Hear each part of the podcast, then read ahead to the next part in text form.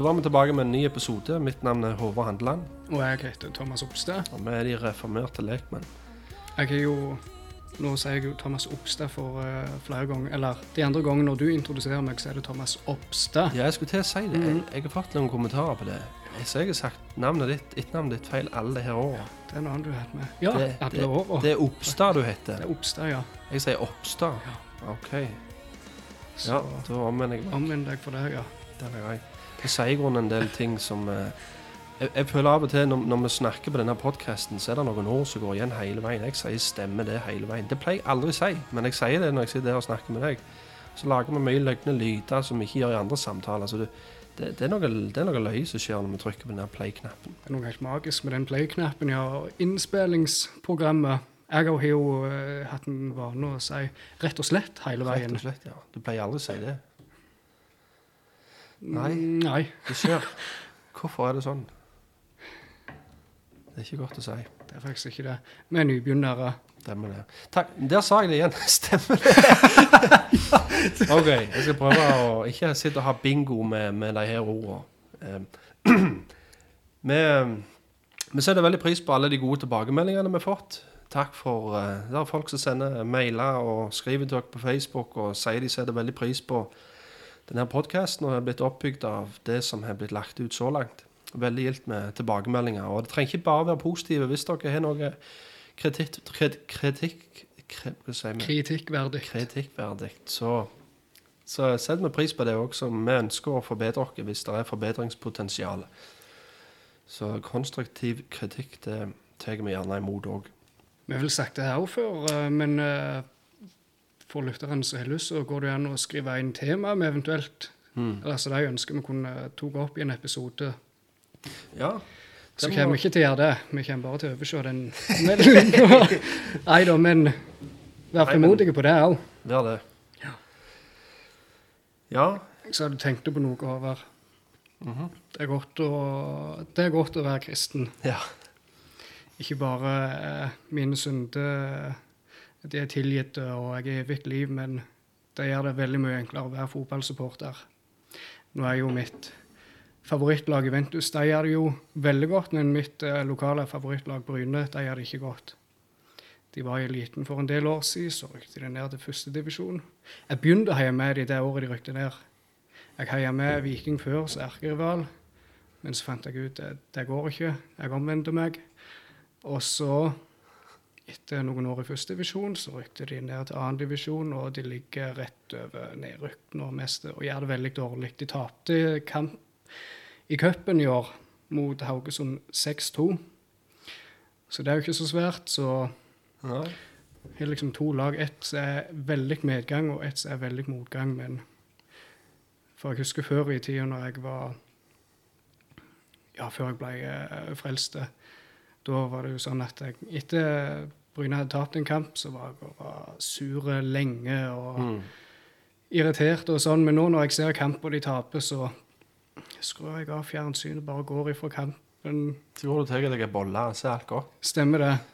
Ja, men det er ny skapning. Nå tok jeg din, Håvard. Stemmer det? Ja, ja, ja. Vi bytter litt i dag. Vi bytter litt i dag. Um, ja.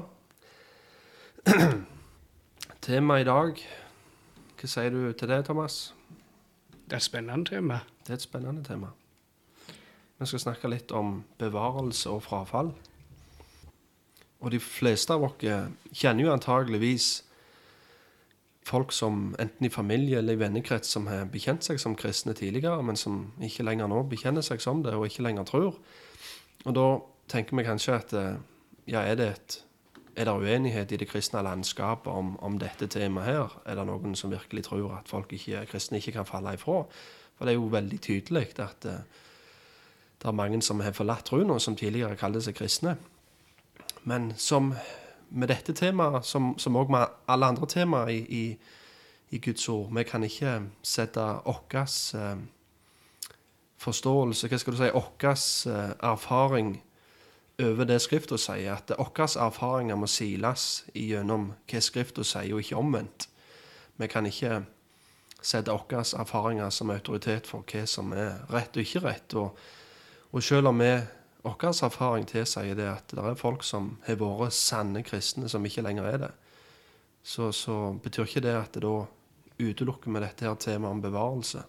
Det betyr det jo at folk kan falle ifra. og Debatten er over. For det er et delt landskap her. Det er en del eh, som, som mener det at du kan være en sann gjenfødt kristen, men du kan òg stå i fare for å miste din stilling i Kristus. At du kan falle ifra trua. Men så er det òg en annen leir som er mer overbevist om at eh, Skrifta lærer det at hvis du faller ifra trua, så var det et bevis på at du i grunnen aldri var frelst, men du hadde bare en bekjennelse, og du har i grunnen bare falt ifra din bekjennelse. Og Det er litt denne her vi vil se på i dag. Og jeg, jeg forstår hvorfor det er to leirer.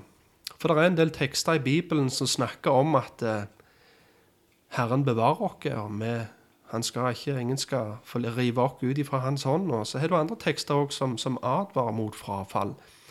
Og det blir jo nevnt eh, visse personer òg. Ja. Altså Humineus, Alexander. Så ja. det blir jo nevnt med navn hvem som Ja, de leid skipsvrak på Truna, står det. Og, og alle de her versene her, for, for, det er jo ikke en motsetning i Bibelen. Det er mange ganger sånn vi tenker. og eh, Bibelen eh, kan bli litt kritisert. Ja, her står det det, og så står det det motsatte her. Men det er jo som du sitter og hører på en radiospiller i bilen din. Når du begynner å skåre litt på radioen, så ringer du ikke inn og klager og sier det er noe galt med radiostasjonen. Det er jo antageligvis radiospilleren din som ikke fungerer, eller at du ikke har dekning. Og sånn er det med dere òg, om at det kan være en tilsynelatende motsetning i Bibelen, så betyr det ikke at det er Bibelen som det er en motsetning i, men det er jo at vi ikke klarer å forstå det. Og at vi ikke ser det klart nok. Det er vår eh, forstand som skurrer, om du vil. Så, så, men jeg tror at dette her temaet her eh, kan forstås, og jeg tror Bibelen lærer tydelig. Og, og det vil jeg vi skal se litt på i dag. Har du lyst til å begynne litt å snakke om, eh, om dette her eh, temaet, Thomas? Er det noen ord du vil sette dere i gang med? Ja, for når det iallfall uh, snakk om dette med bevarelse da, for en kristen, mm -hmm. tenker jeg også det er viktig å ta med litt altså hva frelsen i seg sjøl innebærer. Hva var det på en måte Jesus utrettet med frelsen? Uh, for når Bibelen framlegger frelsen, så er det jo som et ferdig verk, som et perfekt verk av Jesus. Og det så Når Gud kaller på et menneske Noe av det første han gjør, det er jo at han tar Guds steinhjerte til et menneske, setter i et hjerte av kjøtt. Uh, det andre, Frelsen har flere aspekt med seg. Vi blir jo uh, tilgitt våre synder. er jo et av de Uh, altså I uh, Kolosserne 1,14 f.eks. I ham har vi forløsningen ved hans blod, syndenes forlatelse. Og Efeserne 1,7. I ham har vi forløsning. Det samme ordboken, der ser du tilgivelse for overtredelsene etter Hans nådes rikdom. Vi blir også rettferdiggjort, kan vi lese om i Romerne 3 og Romerne 5 bl.a. Og vi blir frelst ifra en evig fortapelse Johannes 3, 16 for eksempel. For så har Gud elsket verden. Um, at han ga sin sønn for at hver den som tror på han ikke skal gå fortapt, men noe evig liv. Um, så det er jo den som tror, den som Gud frelser, han gir han evig liv som en gave. Uh, og vi har jo også fått Den hellige ånd uh, som et seil. Så når Bibelen fremlegger, eller forklarer oss frelsen, så beskriver det frelsen som et veldig sikkert verk. Mm. Og jeg tenker det er viktig å begynne med det for å i det hele kunne forstå mer av eh, iallfall aspektet med bevarelse. Um. ja, da blir jo på en måte utgangsspørsmålet og overskrifta som vi har lyst til å på en måte svare på, det er jo lærer Bibelen at en sann kristen kan miste frelsen sin? Skal vi sette det som en liten overskrift på podkasten, og så håper vi vi kan gjennom å gå gjennom en del skriftpassasjer. Det kommer til å bli en del skrift i dag, og det er ikke det at det skal være en tale, men vi ønsker at eh, Bibelen skal være vår autoritet. Og når vi lurer på spørsmål, så er det òg der vi henter svar. Og det vil vi òg gjøre i dag. Og jeg tenker en fin plass å begynne. Det, nå vil ikke jeg bare gå til fullt av bevistekster. Det er en her og en der, og sånn og sånn. og Der snakker han om frafall, og der snakker han om bevarelse. Men, men er det en tekst i Bibelen som på en måte legger dette frelsesverket ut ifra tårnet? Nå begynte du som smått å snakke liksom litt om hva, hva frelsespakken inneholder. Samtidig. Men da er jo spørsmålet er det, Har Jesus gjort sitt? Er det det nå har han gjort sitt, og nå har han satt seg i himmelen, og nå er det opp til oss? Eller gjør Jesus noe nå for oss kristne? For å være med å bevare oss, for å være med å holde oss i den standen som, som vi var kalt inn i, og har blitt kalt inn i. Og det føler jeg blir lagt ganske godt fram i Romerne 8. Det blir kalt for uh, Den hellige ånds kapittel. På grunn av Den hellige ånd Jeg tror MacArthur sa en gang at det ordet, eller Den hellige ånd ble, ble, nevnt nærmere 40 ganger liksom, i, i det kapittelet. Jeg har ikke telt igjennom sjøl, så jeg skal ikke si det sikkert. Men,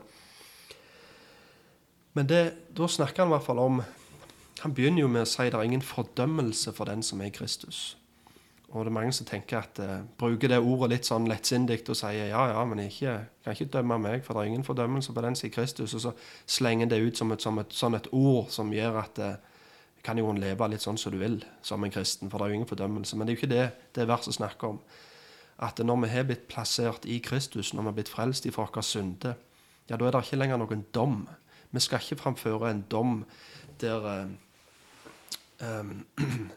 alle våre gjerninger på en måte skal bli uh, vekt opp. Alle, alle, gjerningene vi gjorde her på jord, om de skal bli lagt fram for Gud, og vi skal bli dømt uh, på den måten som vi leser verden skal men vi skal framføre Kristi domstol. Du har liksom den hvite tronen som vi leser i åpenbaringen, der bøkene blir åpna, og alt det menneskene har sagt og gjort, de skal bli dømt ut ifra det. Men vi blir dømt ut ifra Kristi rettferdighet. Når, når vi står rene i Kristus, så er det ikke lenger noen dom, for han tok den for oss. Han tok dommen som vi hadde fortjent. Og derfor skal ikke vi lenger til en dom der vi skal få vrede. Men vi skal framføre Kristi lønningsplatå, som det leser vi i Korinteren, at, eh, at deres verk skal bli prøvd. Om det var gjort til Guds ære, om det var høy halm, eller, eller om det var korsbare steiner og gull som blir stående igjen etter det blir, deres gjerninger blir lytra i ilden. Um, ja, så, så, det var liksom litt Det, det er sånn, spring, sånn springbrettene på en måte Roman 8. Sånn begynner det. Han snakker om det er, ingen, er ingen dom for den kristne. Og så går han videre og snakker om um, sikkerheten vi har i Kristus.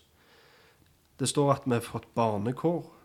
Det står at vi har på en måte blitt adoptert inn i, hans, inn i Guds familie, og nå roper vi 'Abba, far'. Det står at Den hellige ånd går i forbønn for oss, for vi vet ikke hva vi skal be om. Og For at ikke jeg skal gjennom, gå gjennom hele kapittelet, så har jeg lyst til å zoome litt inn i vers 28, og begynne litt, litt derifra. Og da leser jeg Og vi vet at alle ting virker sammen til det gode for den som elsker Gud, for den som er kalt etter hans rådslutning. For den som han kjente på forhånd, dem har han også forutbestemt til å bli likedannet med hans sønns bilde, for at han skulle være den førstefødte blant mange brødre. Og dem som han har forutbestemt, dem har han også kalt. Og dem han har kalt, dem har han også rettferdiggjort. Og dem han har rettferdiggjort, dem har han også herliggjort. Um, her ser vi på en måte, Denne teksten har ofte blitt kalt um, The Golden Chain of Redemption, altså den uh, gylne frelseslenka, på en måte. For her ser vi på en måte frelsesverket fra Guds perspektiv. Hva er det Gud gjør? Og, og en ting er hva vi erfarer, men en annen ting, hva er det som foregår bak kulissene? Og Her ser vi at han tar det allerede før verden ble til, og helt til verden ikke er lenger. Sant? For Det begynner, begynner med forutbestemmelse og ender helt i herlighet. Så, så når, vi, når, vi, leser da, Vi vet at alle ting samvirker til det gode for de som elsker Gud. Alle ting. Det inkluderer alle ting. Så, så alle ting vi går gjennom som kristne, om det er vanskeligheter om det er utfordringer, om det er vonde tider, om det er gode tider. Ja, til og med vår synd.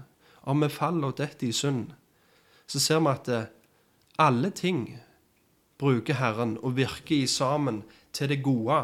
Og det gode i denne kontekst her er ikke en finere bil. Det er ikke nødvendigvis et lengre liv og god helse.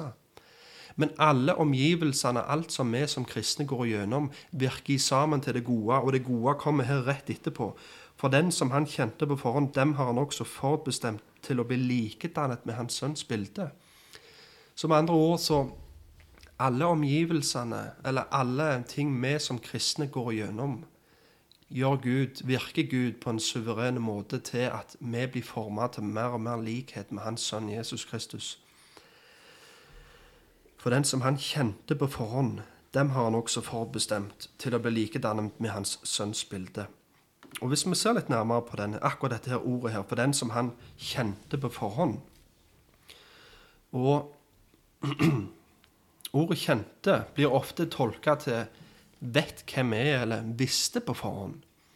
At eh, For de som han visste hvem var på forhånd, er det noen som tolker dette her til. Og så er det andre som sier det at han, Gud så inn i korridorene av tid, og så så han at menneskene Det var en del mennesker som velte Jesus og ville kom, kom til å komme til tro. Og på det grunnlaget så velte Gud deg.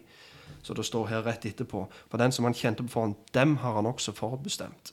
Så her er det snakk om en forutbestemmelse, at Gud kjente noen på forhånd. Men da vil jeg vi skal se litt nærmere på dette ordet 'kjente'. For det ordet blir brukt ganske mange andre ganger i Bibelen. Og mange ganger så kan det være nyttig å se hvilken kontekst det ordet står i, for å forstå hva, hva det betyr. Er det snakk om at Gud tar inn informasjon? Er det snakk om at han vet noe?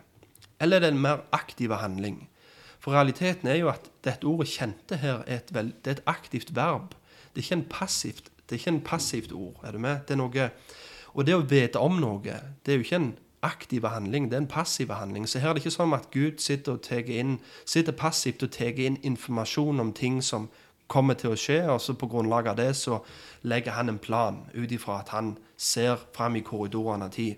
Det er jo egentlig et viktig spørsmål å stille seg, det, iallfall når det kommer til dette verset. For hvis det er sånn at Gud ser gjennom korridorene av tida og på en måte tar en bestemmelse ut ifra hva som skjer da, mm. så vil jo det da si at Gud, fikk, Gud lærte noe, eller at det var mm. noe høyere enn Gud må ha gitt Gud den informasjonen.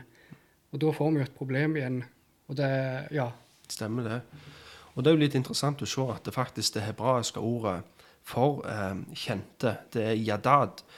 Og flere plasser i Gammeltestamentet der dette ordet blir brukt, det blir bl.a. brukt om eh, Adam og Eva. Helt i begynnelsen av Bibelen så står det der at Adam, yadad, altså kjente sin hustru, og de ble med barn.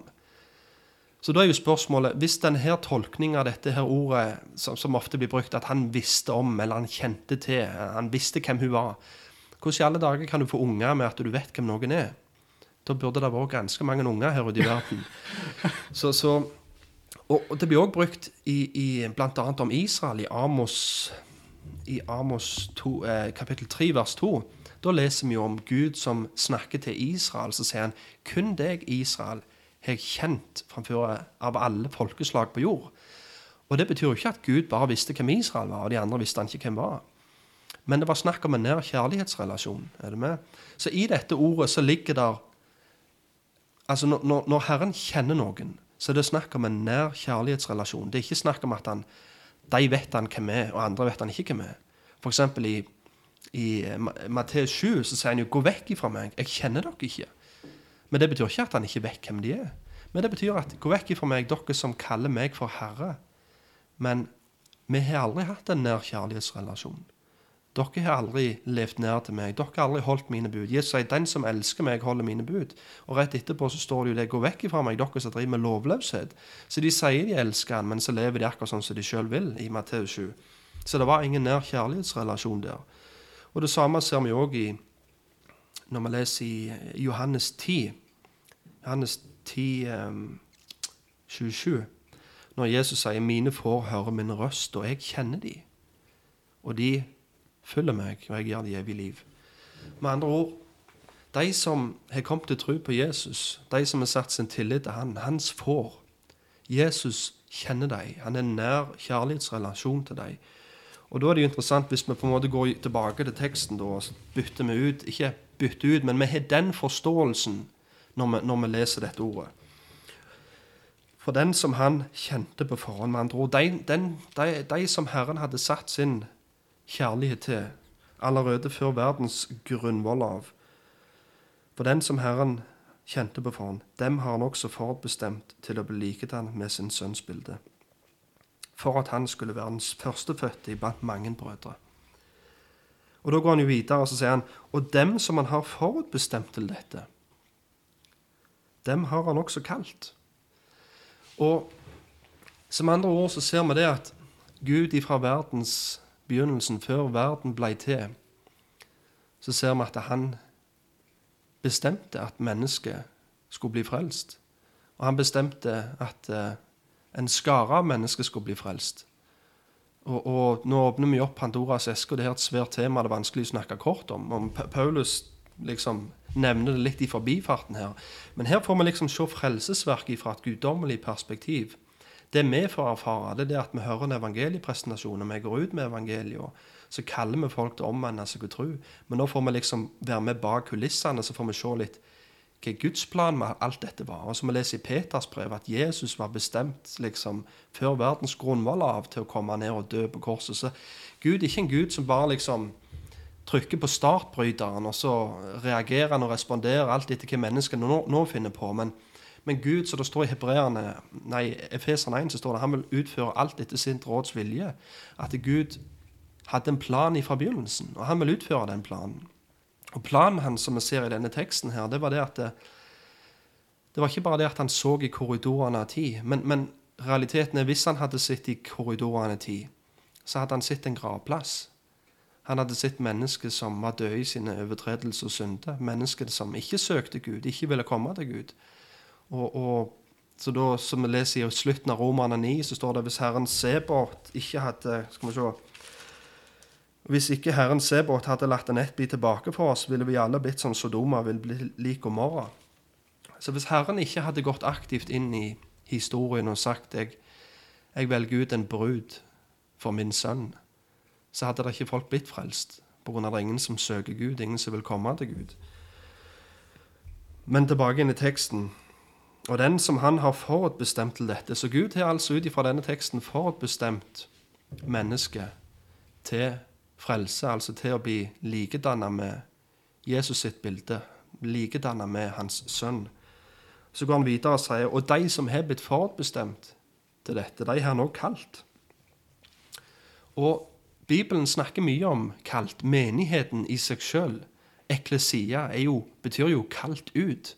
Vi er kalt ut ifra verden. Men, men Bibelen beskriver to typer kall. Han beskriver et universelt kall. Et kall som går ut til alle mennesker med tro omvender seg. Det som vi kan lese om i, i Matteus. Mange er kalt, står det, men få er utvalgt. Men her så står det jo at de som er kalt, de er han òg rettferdiggjort.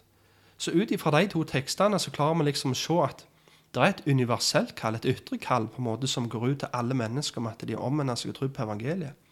Men så har vi det vi kaller for et effektivt kall, et indre kall, som, som eh, Eh, der Gud, akkurat som med Lasarus, at han kaller på Lasarus ut fra grava. Lasarus, kom ut. Det var et effektivt kall. Det var ikke sånn at Lasarus sier 'nei, nå lå jeg så godt', eller 'nei, jeg, jeg gidder ikke'. Men han, han, et dødt lik kan ikke gi motstand. Så Derfor blir det på en måte kalt for et uimotståelig kall. På grunn av når vi er døde i våre overtredelser, vi er åndelig døde, så kan vi heller ikke um, Si nei. Vi kan ikke si nei, på en måte. Så det er ikke sånn at vi stritter imot og fullt av folk som ikke vil bli frelst, blir frelst. Men, men det er ikke noe vilje i oss før vi blir frelst. Er det med? Den, den, det der å tilnærme seg Gud, det der å komme til Gud, det er ingenting der i oss som vil det. Og Derfor må Gud være den som initierer først. Som vi leser om Lydia i Apostens gjerninger 16, er det vel at det var Gud som åpna øynene hennes, åpna hennes forstand, så hun tok imot det som, som eh, Paulus talte om. Og det er på en måte det, det, det dette kallet her beskriver, at Gud kaller på oss med sitt ord, et indre kall, der han vekker oss åndelig døde mennesker til live, som vi responderer på evangeliet og tar imot. Um, og videre så ser vi Og de han er til dette, de òg kaller han. Og det kallet der resulterer i at vi tar imot, som igjen fører til, så det står, og dem han har kalt, dem har han også rettferdiggjort. Og dem han har rettferdiggjort, den har han også herliggjort. Men vi sitter jo her i dag og ser på hverandre, og, og ikke stygt meint, men du ser ikke mye herliggjort ut, Thomas. Og, og, og da er spørsmålet hvordan kan Gud snakke om frelsen vår? Snakke om oss som om vi allerede har fått herlighetslegeme? Men det er jo derfor dette her blir beskrevet fra Guds perspektiv. Gud som at du sitter og flirer, Thomas. Du kommer ikke over den. Du ble skikkelig fornærma nå. Men, men, poenget er at når, når, Gud legger dette fram, så legger han det fram fra sitt perspektiv. Og når Gud gjør noe, så kan han snakke om det som om det allerede er skjedd. Akkurat som Jesus sier rett før han skal gå til korset, så sier han jeg er fullført din vilje. Jeg har gjort det som du sendte meg for. Men han hadde ennå ikke dødd, han hadde ennå ikke stått opp. Men når det er Gud som taler, så, ta, så, er det så sikkert at han kan si det som om det allerede skjedd. Så det er ingen smutthull her. At frelsen Det begynner liksom med at han har utvalgt en brud for sin sønn lenge før verden ble til.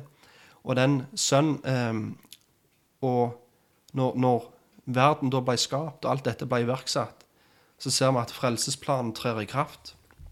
Og han kaller på sine gjennom forkynnelsen av evangeliet, og de responderer i tru og med omvender seg, som igjen fører til at de blir rettferdiggjort av bare nåde ved å tro på evangeliet. Men så står det òg og de er òg herliggjort. Så like sikkert som at du i dag har tatt imot Jesus, som du i dag har omvendt deg og klamra deg til korset, like sikkert er det at du en dag kommer til å bli herliggjort ut ifra denne teksten. Jeg leste et uh, kommentarverk en gang fra en kommentarbibel. Så sto det liksom at uh, og Her ser du liksom frelsen lagt ut fra begynnelse til slutt fra Gud. og Her er det ingen smutthold, og dette her står i perfektum. og det vil si at det er her er det begynnelse til slutt. er det liksom, men avslutter han, men det utelukker fortsatt ikke at du kan falle ifra. Heiv han bare inn på slutten der. Så tenker jeg, Hvordan klarer du å presse frafall? Hvordan klarer du å bryte denne her lenka her fra Guds perspektiv, um, som, som, er det, det starter før verden ble til, og det ender etter verden. Du har samme tanken også i Feserbrevet når det står at vi er sett i det himmelske riket.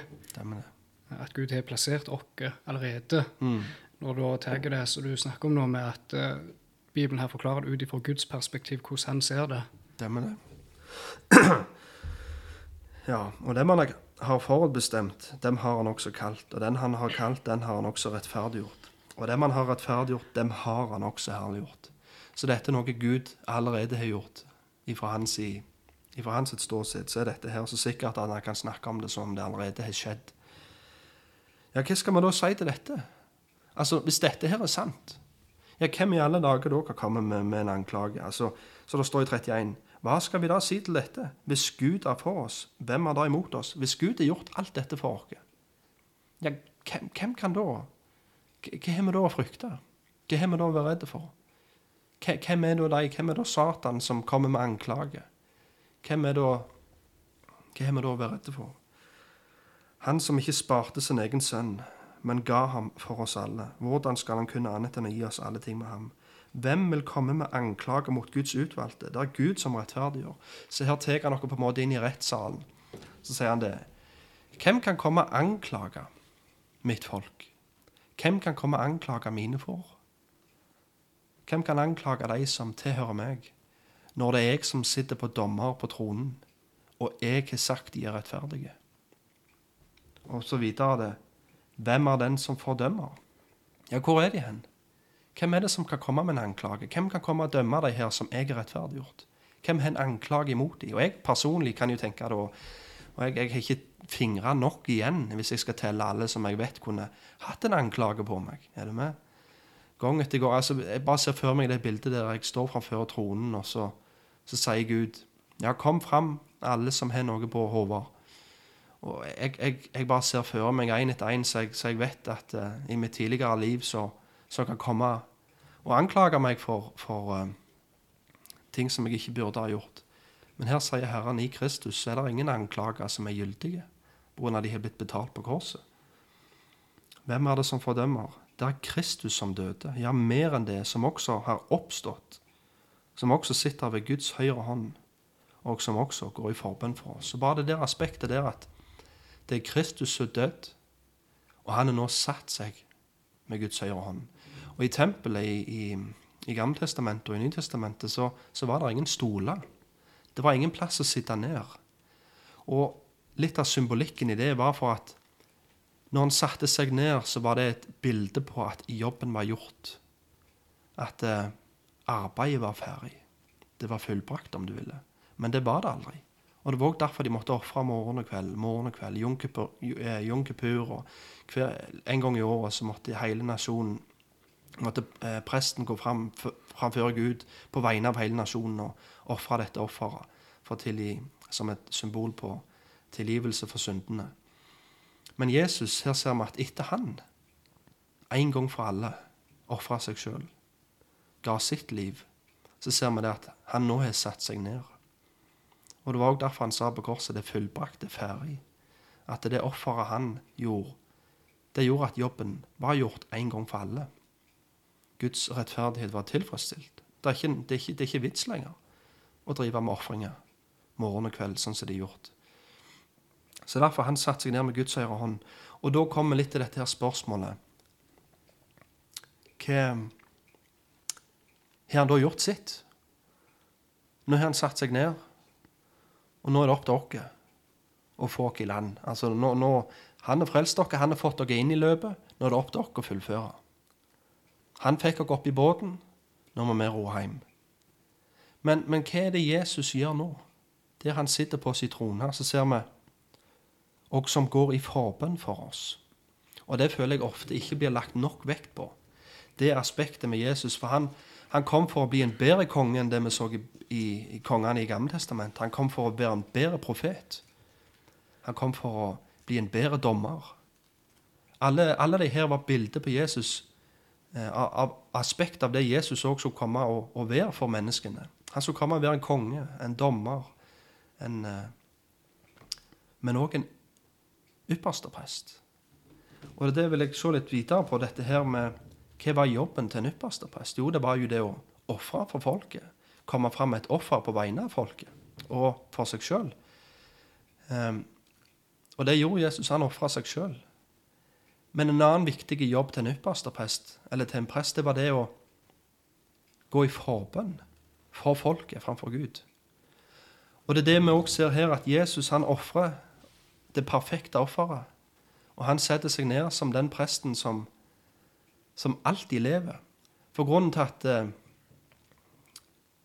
ofringa aldri kunne bli perfekt, det var jo for de som ofra, de døde jo. Det måtte jo komme ny og komme ny. i samfunn.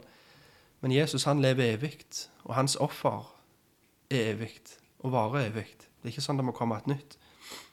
Og så nå sitter han på sida av Guds trone hver dag og går i forbønn for sine. Vi kan lese i, i Hebreerne 7. Så jeg bare kunne s- Ja. skyte inn litt. der, For det, det er jo ikke bare det at han går i forbund, men det er jo, jeg kommer jo til å tenke på 1. Johannes kapittel 2. Der, eh, der brevet også blir jo av mange på en måte beskrevet som frelsesvisshet. Uh, boka da. Mm.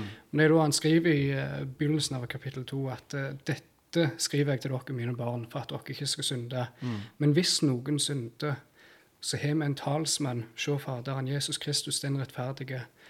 Det er altså ordet talsmann, hvis en eh, tenker, altså det greske ordet for talsmann, det er jo parakletos, så du også kan eh, oversette til eh, advokat. Mm. Så Jesus er på en måte som vår advokat og taler vår sak.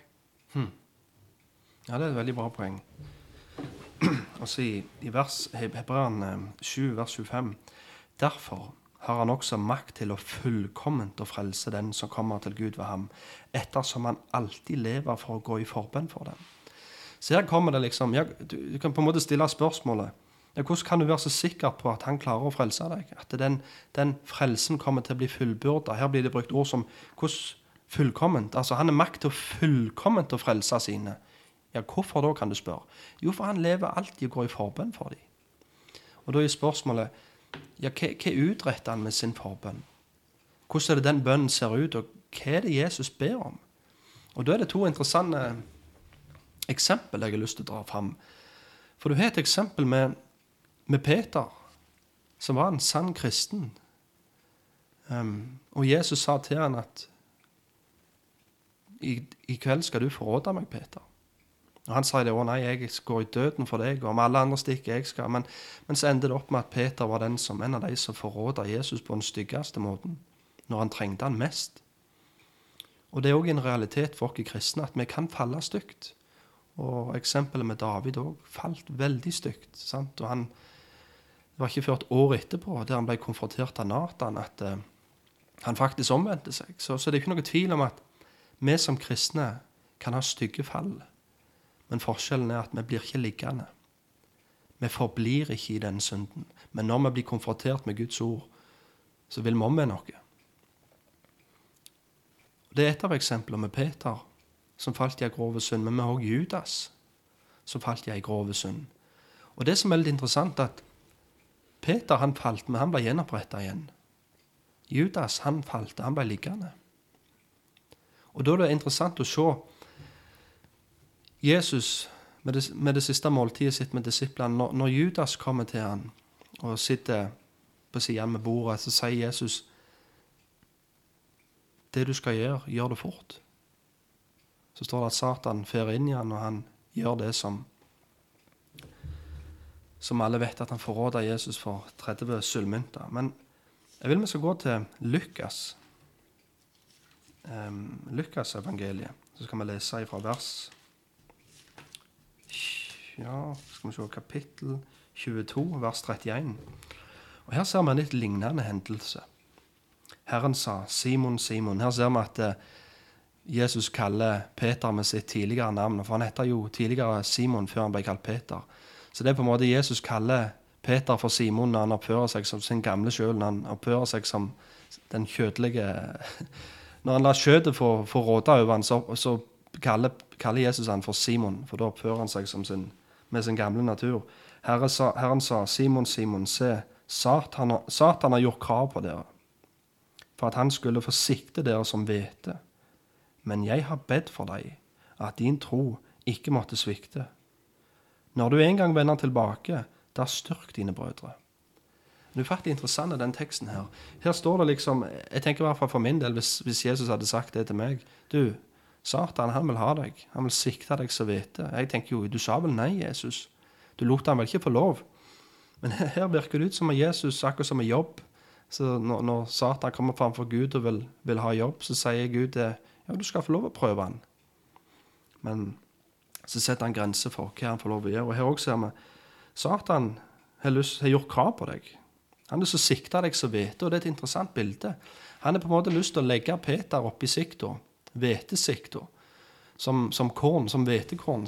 Så rister du han så dette, så blir kornet liggende igjen, og så dette slagget ut på andre sida. Her blir Peter lagt opp i denne sikta av Satan. Han har lyst til å prøve Peter, og riste han opp i sikta, sånn at hans tru detter gjennom, og Peter blir liggende oppi, oppi rista. Han, han har med andre ord lyst til å skille Peter fra trua si. Han har lyst til å få han til å um, falle ifra. Så sier Jesus, 'Men jeg har bedt for deg, at din tro ikke måtte svikte.' Og da er jo spørsmålet, ja, men vil det holde, da? Ja, når Jesus sier rett etterpå Når du en gang vender tilbake, da styrk dine brødre. Så når Jesus ber om at deres tro ikke må feile, så er det så sikkert at han kan bare fortelle. Så etterpå prøvelsen, så gå og styrk brødrene dine. Er du med? Det er veldig interessant å se. Så der har vi på en måte kraften i Jesus sin forbønn for sine. Og da er det jo interessant òg å se i, i Johannes 17, i Jesus' sin ypperste prestelige bønn. Vi har snakket litt nå om Jesus som ypperste prest. og hvordan, hvordan er det da den bønnen ser ut? Og da vil jeg vi skal lese litt ifra hans bønn. Jeg vet ikke hvor mye jeg skal ta her, men jeg kan bare begynne litt. Jeg har herliggjort deg på jord. Jeg har fullført det verket du har gitt meg å gjøre. Og nå, far, herliggjør meg hos deg selv med den herligheten som jeg hadde hos deg før verden ble til. Jeg har åpenbart ditt navn for de menneskene som du har gitt meg av verden. De var dine, og du ga dem til meg, og de holdt et ord. Nå har de erkjent at alt det som du har gitt meg, er fra deg. For jeg har gitt dem de ord som du har gitt meg. Og de har tatt imot dem, og de har i sannhet erkjent at jeg har utgått ifra deg. Og de har trodd at du har utsendt meg. Jeg ber for dem, jeg ber ikke for verden, men for den som du har gitt meg så her ser vi at det, den, den ypperste prestelige forbønnen som Jesus står i, det er ikke en forbønn som han ber for alle, Men han ber for de som Faderen har gitt til han. De er han i aktiv forbønn for. Og videre, hva, hva ber han om? Hva er det Jesus ber om? Hellig Far, i vers 11. Hellig Far, bevar dem i ditt navn. Dem som du har gitt meg, så de kan være ett slik som vi er ett. Mens jeg var sammen med dem i verden, bevarte jeg dem i ditt navn. Den du ga meg, har jeg bevart, og ingen av dem gikk fortap, bortsett fra fortapelsens sønn, for at Skriften skulle bli oppfylt. Men nå kommer jeg til deg, og dette taler jeg i verden, for at de skal ha min glede fullkommen i seg. Jeg har gitt dem ditt ord, og verden har hatet dem, fordi de ikke er av verden, slik som jeg ikke er av verden. Jeg ber ikke om at du skal ta dem ut av verden, men jeg ber om at du skal bevare dem fra det vonde. Ser vi her hvordan Jesus' sin ypperste prestlige bønn Så mye av den bønnen handler om at de må holde ut, de må bli bevart, de må ikke falle ifra. Hellig dem i din, ditt ord, ditt ord er sannhet. Og Videre i vers 20.: Jeg ber ikke bare for disse, men også for den som kommer til tro på meg ved deres ord. Så her ser vi at Jesus bedde ikke bare for disiplene sine der og da, men han ber for alle de som kommer til å komme til tro gjennom deres forkynnelse og deres virke. Og det er jo oss. Så her ser vi faktisk at Jesus, hvis vi lurer på hvordan er det Jesus ber, og hva ber Jesus for meg? Jo, her står det jeg ber ikke bare for disiplene, men jeg ber dette her for alle kristne som kommer til å komme til tro.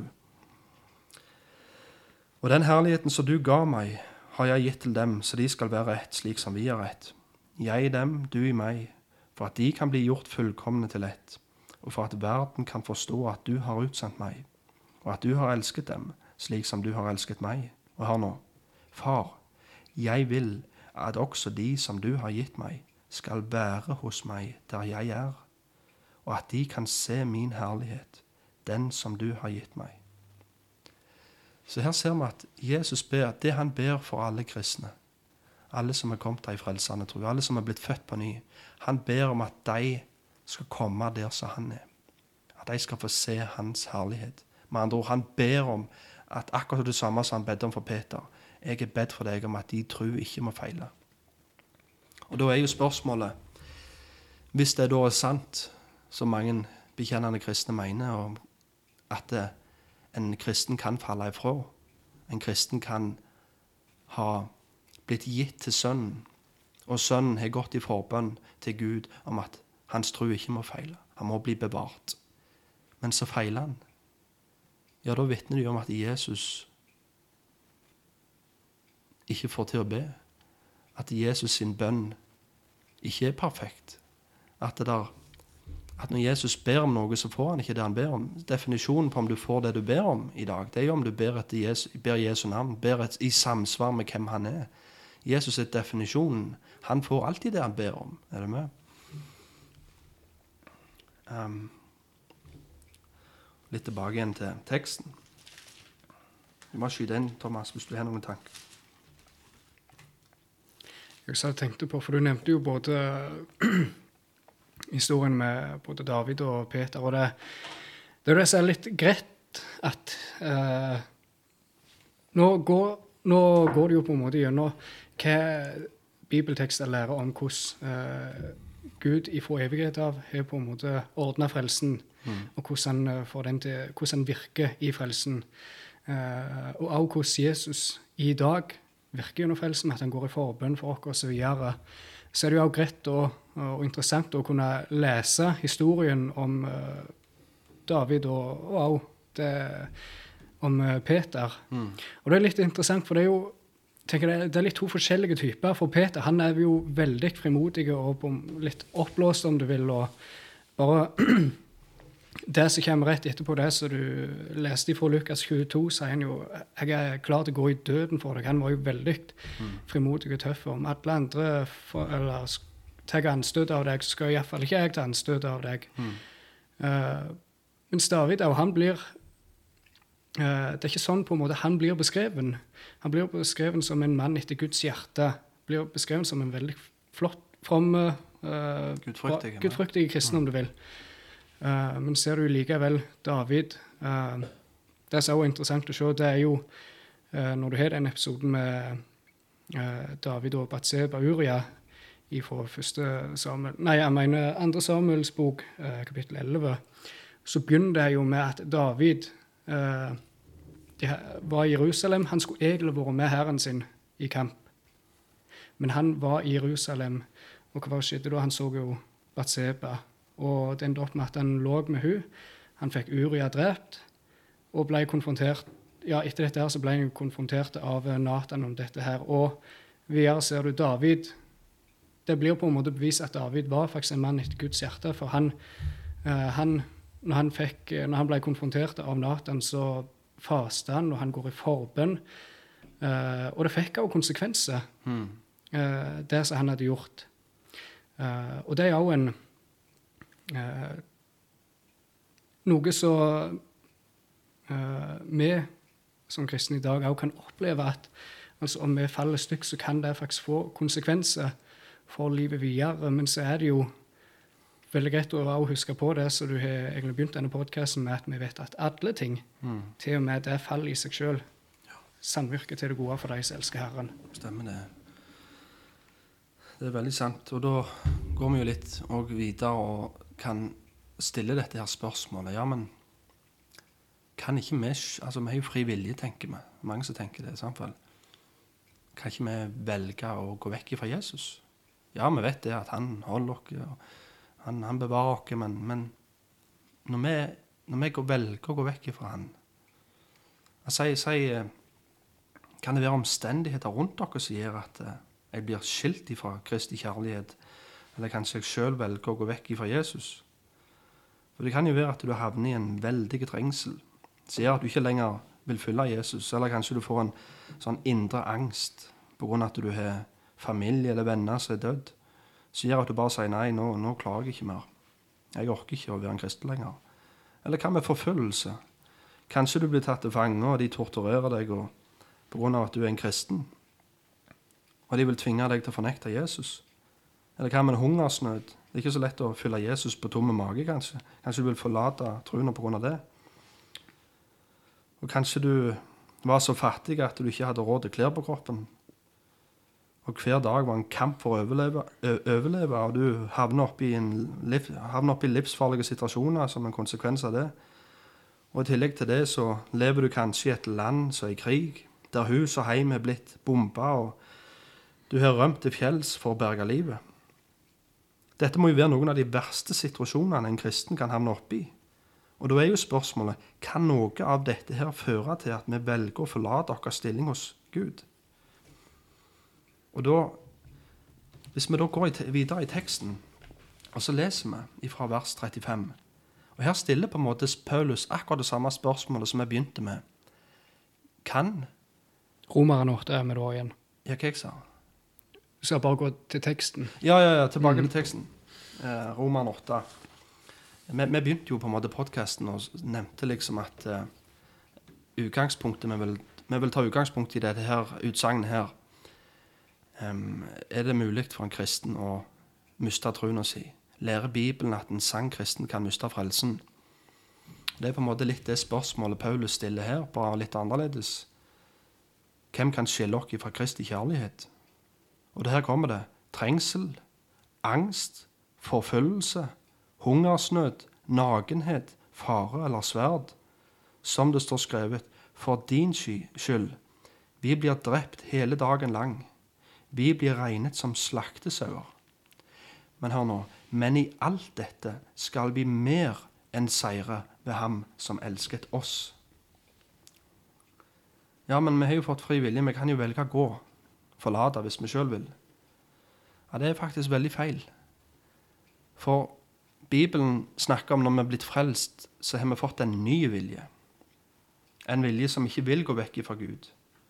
Som vi leser i Filippene, Gud virker i oss både å ville og virke av hans gode vilje.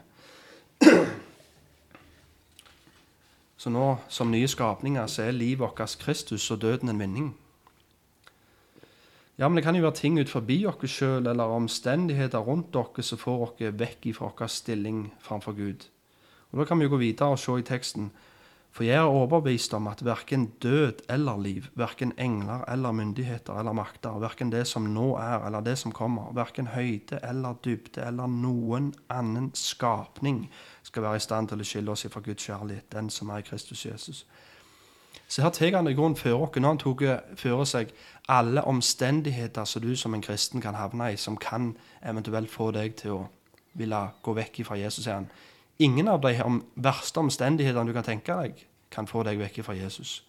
Og nå går han liksom til, til ja, til og med død eller liv. Makter og myndigheter og åndsmakter. Nå går han til ting som er ut forbi vår vanlige hverdag. Han går til ting som som er i himmelrommet. Han går til åndsmakt. Han, går, han, tek, prøver, han prøver grunnen bare å ta med absolutt alt. Og så stiller han det spørsmålet kan dette skille dere fra Jesus. Og når han da bruker dette ordet som ingen annen skapning Og jeg er òg en skapning. Så det vil si til og med ikke jeg kan gå vekk fra Jesus om jeg vil. Hvorfor? Hvorfor ikke da? Nei, for jeg vil ikke. Hvis du er en gjenfødt kristen, så vil du ikke det um, kan skille oss Skal vi se Annen skapning skal være i stand til å skille oss fra Guds kjærlighet, den som er i Kristus Jesus. Det var Kristi kjærlighet til deg som gjorde det mulig for deg å bli frelst. Og det er Kristi kjærlighet til deg som gjør at du blir bevart, ikke omvendt. Som jeg kan lese i Romerne 5, 8-10. Så leser vi men Gud viser sin kjærlighet til oss ved at Kristus døde for oss mens vi ennå var syndere. Hvor mye mer skal vi da, nå når, når vi har blitt rettferdiggjort ved Hans blod, ved ham bli frelst ifra vreden? For om vi ble forlikt med Gud ved Hans sønns død da vi var fiender, skal vi så mye mer bli frelst ved Hans liv etter at vi har blitt forlikt. Altså så Han som ikke sparte sin egen sønn, men døde for oss mens vi var, hans, var syndere og fin, hans fiender. Hvor mye mer vil han ikke da gjøre for oss nå når vi er blitt hans barn? Altså Når, når vi var hans fiender og hatet han, ville han gi det beste han hadde for å frelse oss. Men når vi nå er frelst, vil han da gi oss noe mindre ting for å bevare oss? Når hans død redder oss når vi var hans fiender og hatet han, hvor mye mer vil ikke da hans liv bevare oss når vi har blitt hans venner og barn? Så jeg føler på en måte denne her teksten her en av de tydeligste som forteller oss at nei, som gjenfødte kristne så kan vi faktisk ikke bli skilt fra Kristi kjærlighet. Og Jeg vil ikke bruke ordet 'en gang frelst, alltid frelst', for, for da, i det begrepet så ligger det jo Mange tenker det at du kan bare tippe hatten din imot Gud og si 'ja, jeg ser deg der', og 'nå er jeg frelsen i orden, og nå kan jeg leve akkurat som jeg vil'. Men, men det er snakk om hvis du virkelig har blitt tatt imot Jesus, er du òg blitt en ny skapning. Det er et nytt liv. Du har fått et nytt forhold til synd, som er nei, og du har fått et nytt forhold til Jesus, som er ja.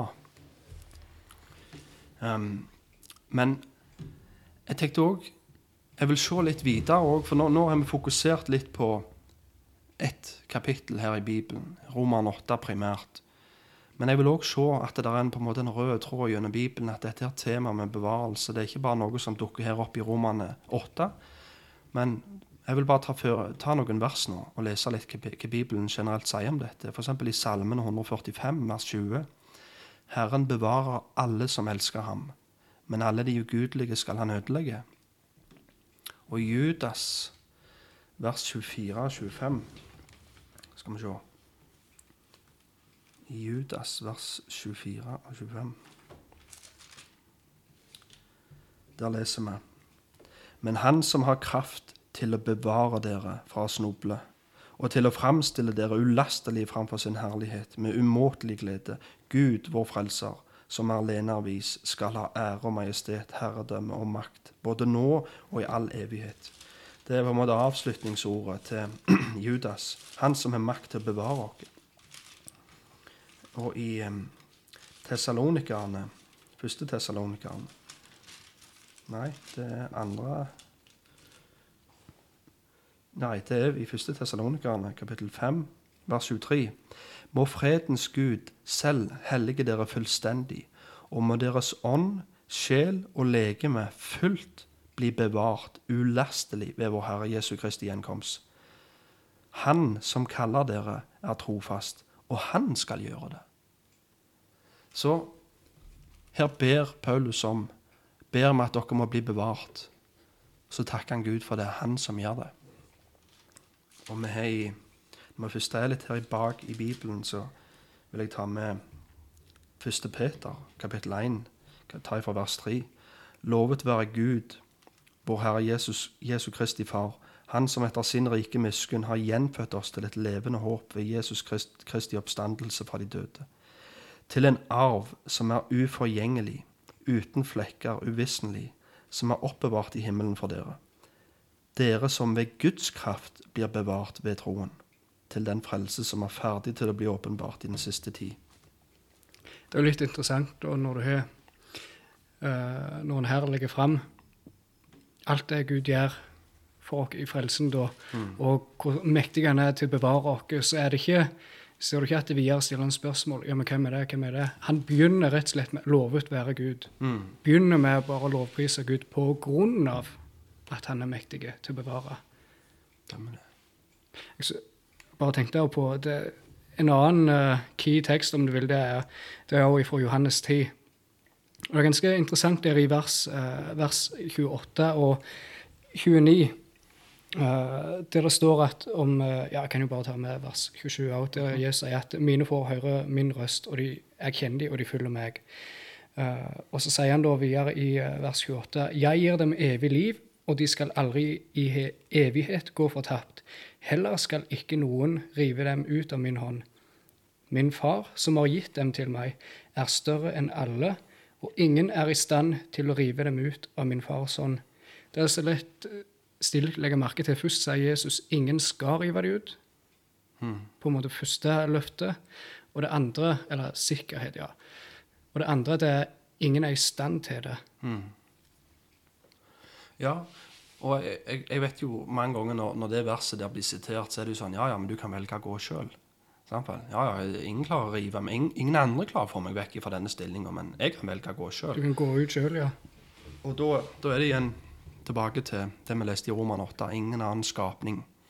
Og jeg er òg en skapning, så derfor er jeg òg inkludert. og Derfor blir ikke det et gyldig argument. Og, og, det er der som Bibelen òg snakker med at når vi blir frelst, du begynte med det, at vi har fått et nytt hjerte. Vi har fått en ny vilje når vi leser i Esekel 36.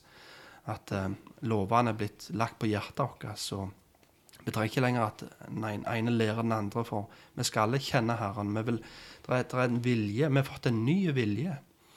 Og, og, og jeg synes det, Apropos det her gamletestamentlige um, Den gamle pakt, spesielt i Jeremia, så står det òg en veldig interessant, ting i Jeremia, 20, i Jeremia 32, vers 40. Jeg skal slutte en evig pakt med dem om at jeg ikke skal vende meg bort ifra å gjøre godt imot dem, men jeg skal legge min frykt i deres hjerte så de ikke skal vike bort ifra meg. Så det òg bevarelse var òg en del av den evige pakten som Gud sa at jeg skal, gjøre, jeg skal ny, gjøre ny pakt med dere. Jeg skal legge min frykt ned i dere, så dere ikke går vekk ifra meg. Jeg skal gjøre noe med hjertet deres. Jeg kom, eh, jeg kom på Filipperne 1,6. Den er jo en liten hjørnesteinstekst i denne her. Og Her ser vi Paulus begynner med det, som du òg var inne litt på begynner, med, begynner brevet sitt med, og jeg er helt overbevist om dette at Han som har begynt den gode gjerningen i dere, vil fullføre den inntil Jesu i dag. Så her sier Paulus det at det, det, som har skjedd med deg, frelsen din, det at du har um, blitt åndelig levende. Du tok imot Jesus, og du har fått blitt rettferdiggjort av bar nåde. Hele det verket der det var det Gud som initierte. Det var han som tok steget ned til oss. Det var han som begynte det verket i oss. Og når Herren begynner noe, så vil han fullføre det. For er det, det noe av det som En av de tingene som er viktigst for Gud, det er hans egen ære. Og hvis han begynner, Vi har jo den lignelsen til Jesus at ingen setter seg ned og liksom ingen går i gang og bygger noe før han vet han har det som trengs for å bli ferdig. For da, hvis han ikke blir ferdig, så vil jo folk le av han. Og, sånn. og det samme med Gud. Gud vil aldri sette i gang noe. Han vil aldri starte noe hvis han ikke vet han vil fullføre det. Og det er derfor Paulus, som vet at Gud er en Gud som gir alt til sin ære Han vet det at han Og det samme med Moses. Samtidig. Moses òg var nikjær for Guds ære. Når Moses eh, kom ned fra fjellet Sinai, og hele folket de var i stand til å De hadde lagd en avgud, og det var ikke måte på. Så sier Gud, trø til sies, Moses, jeg skal fortære dette folket og lage et nytt folk av deg. Så sier Moses nei. Hva tror du da egypterne kommer til å si? De kommer jo til å si at eh, han hadde makt til å få dem ut eh, av Egypten, men han klarte ikke å få dem til det lovede land. Så han var bekymra for Guds ære, og det var den rette responsen av Moses. Um, og det er òg det, det er også sånn Paulus her legger det fram. Han vet hvem Gud er. Han vet at Gud deler ikke sin ære med noe. Alt det han gjør, gjør han for sitt navns skyld. Og derfor, når Gud starter noe igjen så, i oss, så vet han at han vil fullføre det. Når han styrer båten, som det heter i barnesangen, så, det, så går det så bra. Går det så bra. Um, jeg vil òg Sier du at vi er på en time nå? Ja. Ja, men da må vi sikkert begynne å komme til en liten avrunding. Tittelen var jo 'Bevarelse og frafall'. Nå fikk vi ikke snakke så mye om frafall og alle de frafalltekstene vi har i, i Bibelen. Og de òg har vi lyst til å gå gjennom, for en kan liksom ikke bare ignorere de og så holde seg til bevarelsestekstene og si 'jeg tror på bevarelse', for vi har mange tekster på det. Og så sier de andre 'ja, men vi tror på frafall', så holder de seg til frafalltekstene. Jeg tror ikke det er en motsetning der, men jeg tror at de kan flettes veldig fint i sammen, at det er en harmoni i skrift, og at det er ingen motsetninger. Så jeg tror vi blir i neste episode til at vi tar opp en del av de her kjente tekstene som tilsynelatende ser ut til å si at gjenfødte kristne, sanne kristne, kan falle ifra troen. Um, ja Noen avslutningstanker, Thomas, rundt dette temaet? Men, men, det var jo veldig mye vi, vi gikk gjennom. Har du noen en oppsummering? Ja, det er jo Det er så stort tema, dette her, at uh, vi ser nå i hvert fall virkelig at det, det blir en del to av denne episoden. Det med det. Ja, for en har liksom lyst til å være rettferdig til temaet. Og det, det er et um, det er et tema som Bibelen snakker en hel del om. Det er ganske mange advarsler i Skrifta, men det er òg ufattelig mange løfter. Så er det hvordan, hvordan balanserer vi dem sammen. Og hvordan tar vi til oss advarslene på en rett måte. At vi ikke skremmer oss med vers vi ikke skal skremme oss med, og heller ikke at vi hviler på ting vi ikke skal hvile på. Så ja, skal vi avslutte med å si noen dagens anbefalinger? Har du tenkt ut noen? Um, det er mest å bare kunne anbefalt folk å glede seg til neste episode. Ja, for ja. det blir, ja, mest bare gjøre det sånn nå, for Mm. Som jeg sa, det, jo, det blir en lang episode, stort tema. Mm. Det må en del to til, så følg med. Ja. Jeg kan hive ut en anbefaling. Jeg kan anbefale ei lita kort bok av Arsi Sproul som heter 'Can I Lose My Salvation'. Så den, den ligger vel ute for en 75 kroner eller noe sånt. Så det kan være en fin eh, begynnerplass hvis du har lyst til å sette deg mer inn i, i dette temaet. Med det så tror jeg jeg sier takk for i dag, og så snakkes vi neste gang da vi skal gå litt videre i, i dette temaet. På gjenhør. På gjenhør.